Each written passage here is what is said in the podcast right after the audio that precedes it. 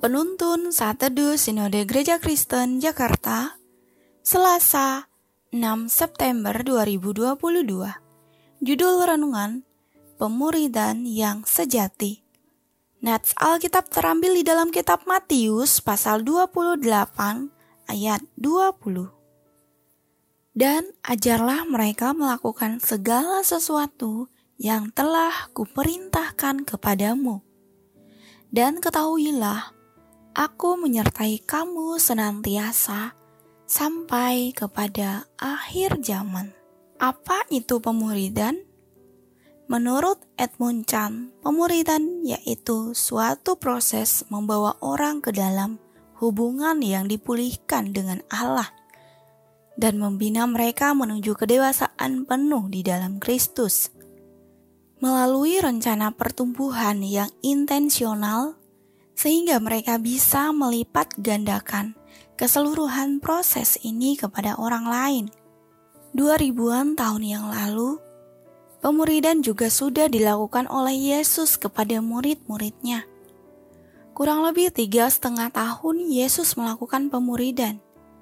Para murid melihat dan mendengar Yesus mengajar, memberitakan Injil, dan menyembuhkan orang-orang sakit.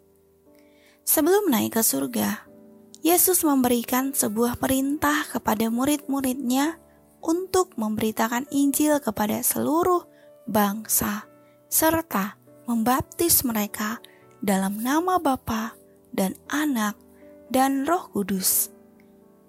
Yang kita kenal dengan amanat agung. Bukan hanya sampai di situ, murid-murid juga diperintahkan untuk mengajarkan kepada mereka tentang kebenaran Injil. Yesus memuridkan mereka, dan sudah saatnya mereka harus pergi untuk memuridkan orang lain. Mereka membawa orang lain kepada Yesus Kristus, namun bukan sekedar percaya Yesus, tetapi juga mengalami kedewasaan penuh dalam Kristus. Sebagai murid Kristus masa kini, kita tidak cukup hanya memberitakan Injil, kita juga harus membawa dan membimbing mereka untuk mengalami perubahan hidup serupa Kristus. Orang percaya yang tidak dimuridkan akan menjadi orang percaya yang dangkal kerohaniannya. Ketika persoalan hidup datang melanda, imannya sangat mudah menjadi lemah dan mundur. Bagaimana caranya kita dapat memuridkan orang lain? Yakni dengan hidup serupa Kristus. Meneladani dengan karakter Kristus dan mentransfer hidup Kristus kepada orang lain. Dimuridkan untuk memuridkan. Amin.